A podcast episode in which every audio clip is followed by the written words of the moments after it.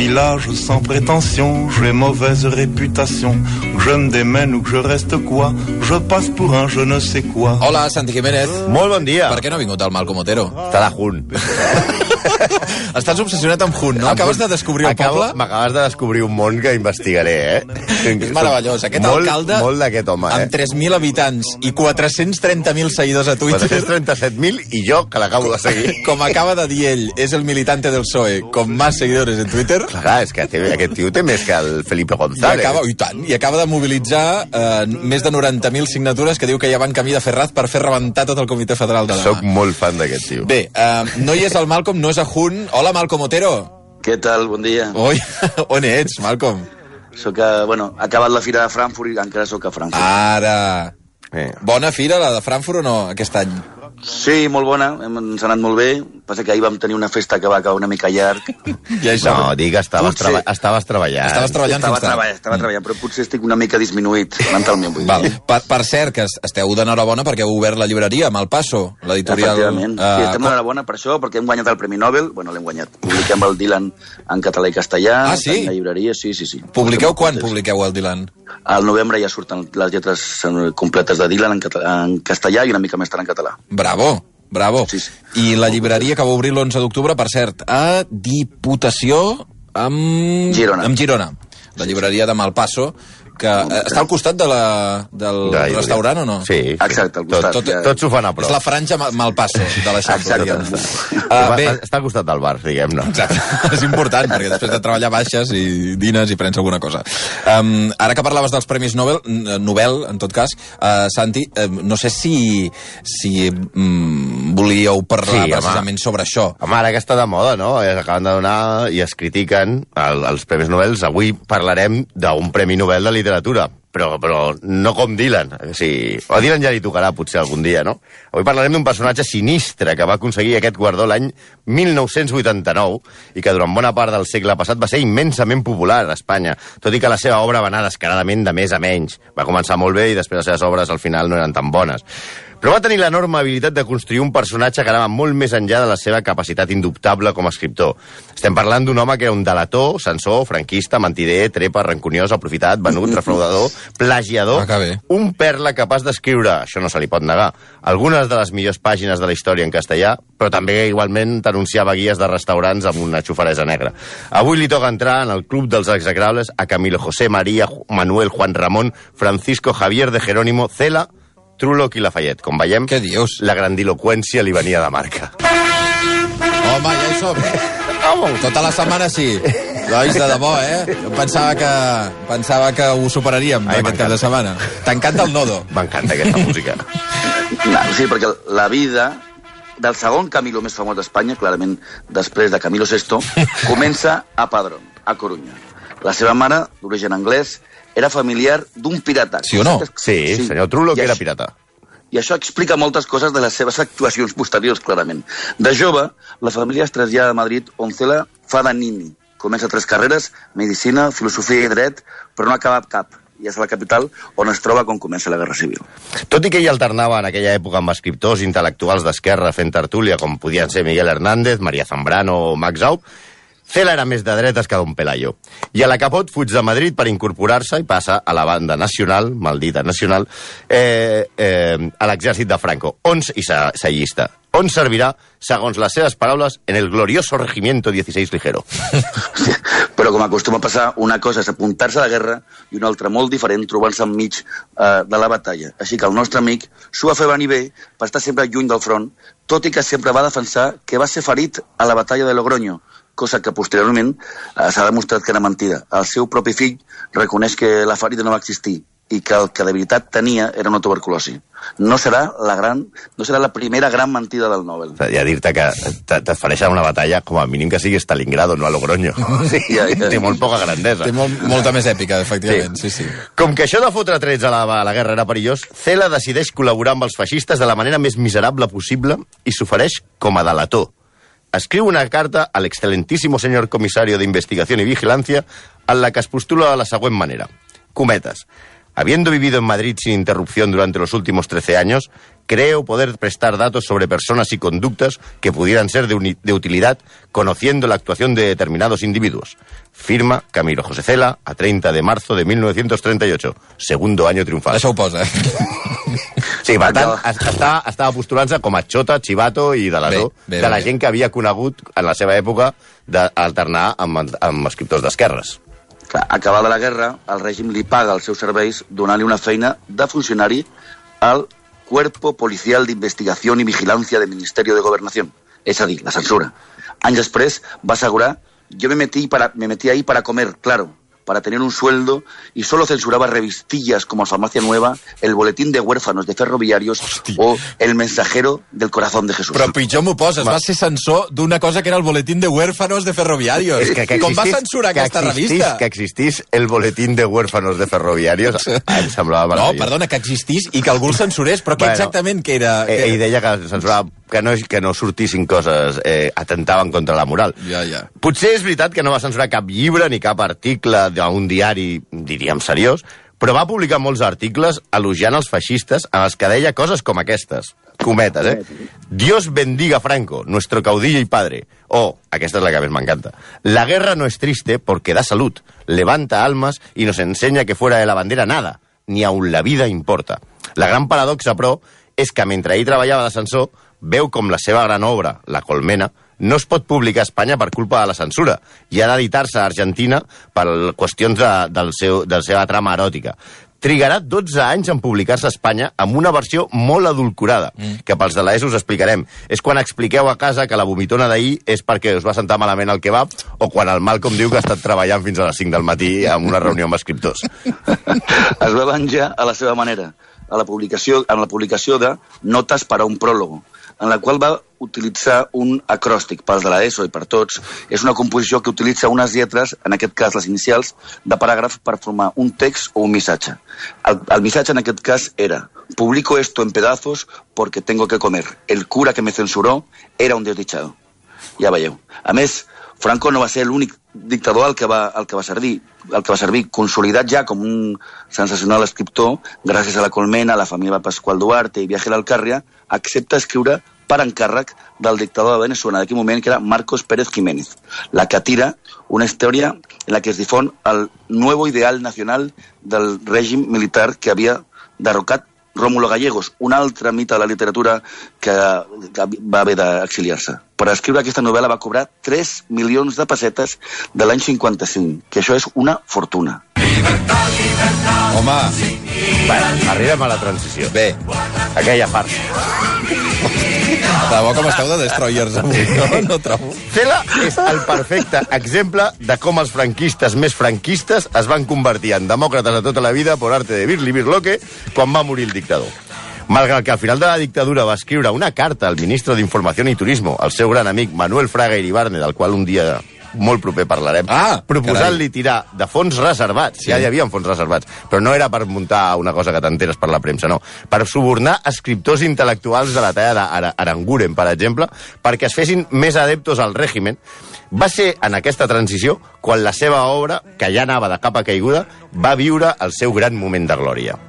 Sí, és aleshores quan es converteix en senador per designació reial Ui, que s'ha s'ha tallat, eh, Peret? Ara, ara el recuperarem, Ah, que, el, que el tenim a, a Frankfurt. Eh, Malcolm, estàs bé o no?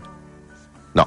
No, eh, el tenim fatal. Va, ja, tira, tira tu, jo. Santi. És aleshores quan eh, estàvem a la transició Sí. i es converteix en, en senador per designació reial i mm. comença a construir un personatge fatxenda, malparlat, escatològic, que es fa enormement popular. És l'època en la que recordareu, que es fa famós, perquè manté les discussions al Senat amb Lluís Maria Xirinac. Sí, senyor. que li diu, per exemple, que diu aquella famosa frase de quan està parlant Xirinacs i li diu, señor Celas, ¿está, ¿está usted dormido? Diu, no, señor, no estoy durmiendo, porque no es lo mismo estar jodido que estar jodiendo. Això al Senat, eh? Sí, això al Senat. Una autèntica festa. Sí, després també hi havia un dia que estava parlant Xirinacs i, que, i eh, Cela tira, es tira un pet que sona a tota la càmera. Perdona, va sonar un pet del Va sonar Cela pet. al mig del es Senat, eh? calla, Xirinac se'l mira així i el tio diu, prosiga, mossèn, prosiga. Posant-se bé allò. I també és quan, famosament, això és molt popular, admet en una entrevista a Televisió Espanyola que és capaç de succionar per via anal Ai, sí. un llitre d'aigua d'una palangana. Al final no va arribar a fer en directe. Sí, en tot cas, molt abans que Arturo Pérez Reverte es converteix en el primer acadèmic eh, realment popular de la Real Acadèmia Espanyola de Llengua. Però no li, no li acabava de fer el pes, això de la RAE, no, Santi? Espera, No. espera, ara venim Malcolm. Sembla que ja no, el tenim. això, la seva idea de la RAE era curiosa, era, per ell, a- llegar a, això, cometes un altre cop, llegar a la Real Academia es como tirarse a la vecina. Una vez que nos la hemos tirado, pues ya está.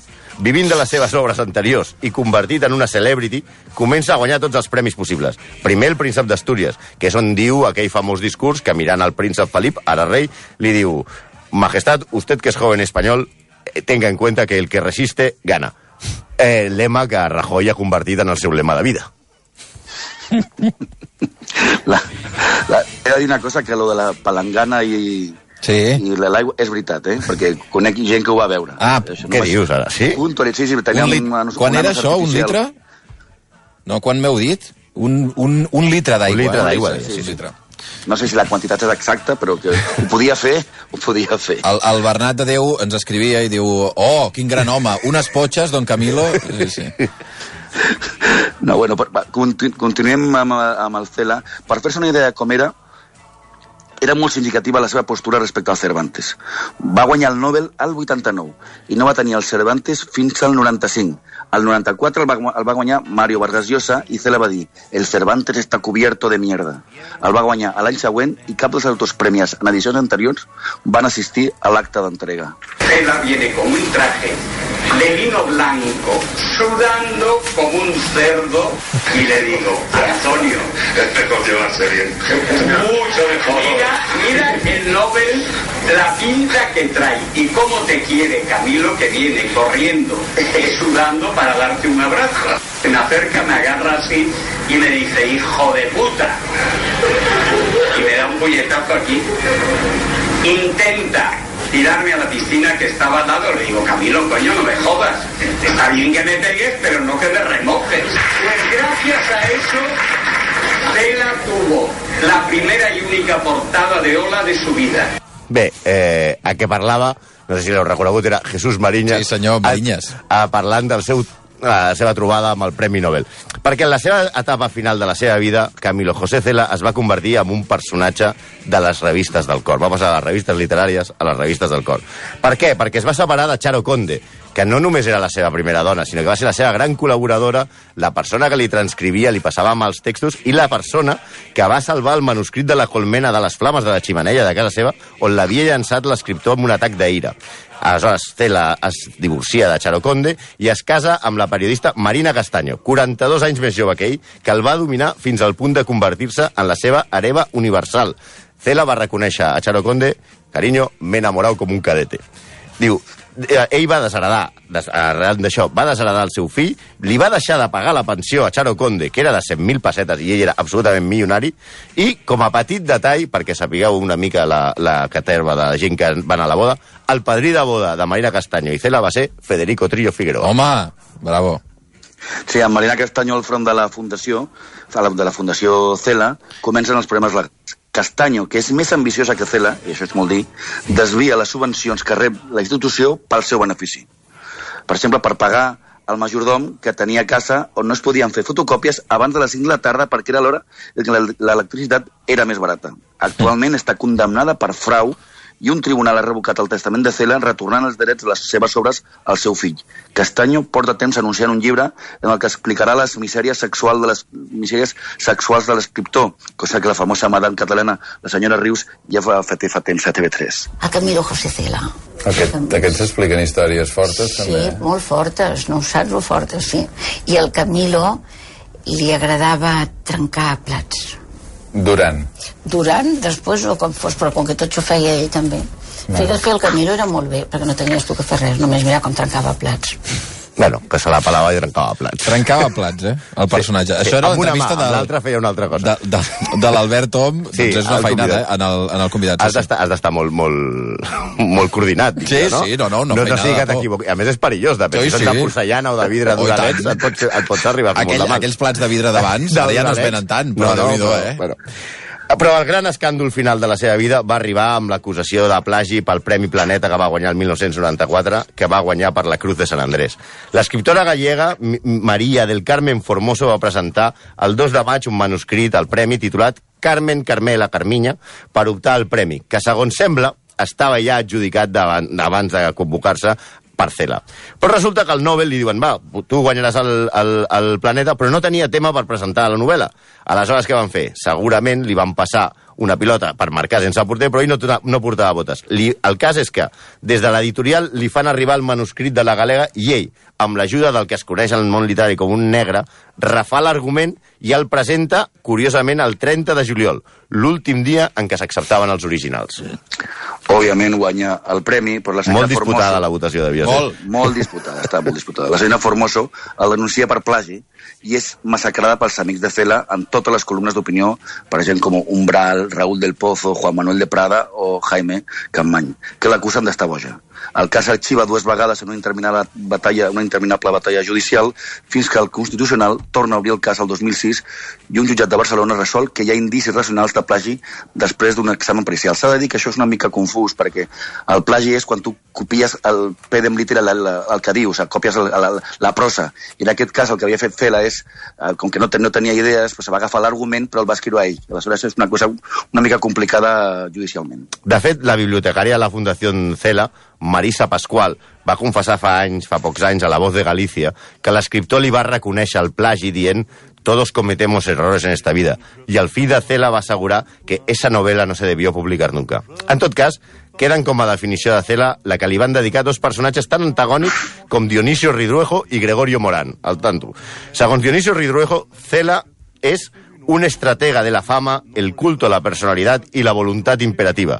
I Morán, més explícit a la seva prosa, diu definía a Cela como el abuelo golfo que cuenta chistes verdes en la mesa y pedorrea en los postres y que mientras todos duermen busca los papeles para manipular las firmas y quedarse con lo que haya. Hosti, quin personatge, tu, el Cela. Un perla, De debò, eh? El, els que es queixen de... A, a veure, eh, això és el que passa, també, eh? Un geni, també. No, no, sí, banda, la, sí, literàriament és una bèstia. i Viaja del Carre i la família Pascual Duarte són tres novel·les que justifiquen una vida. Passen 5 minuts de dos quarts d'onze del matí. Santi, mal com a dormir, eh? A dormir ara mateix. No, que tens molta feinada. Apa, Com- gràcies. Fins la setmana que ve. Ja tens clar la setmana que ve qui fareu? Pues igual uh, avui, igual anem a... Fer, bueno, a Fraga, probablement. Fraga? Va, fem- Hosti, tu. Va, vinga. Uh, Don vaig a la Manuel. publicitat i em m'agafo l'aire. eh? Vinga. Fins ara. Tout le monde viendra me voir pendu. Via lliure, amb Xavi Bundó. Bien entendu,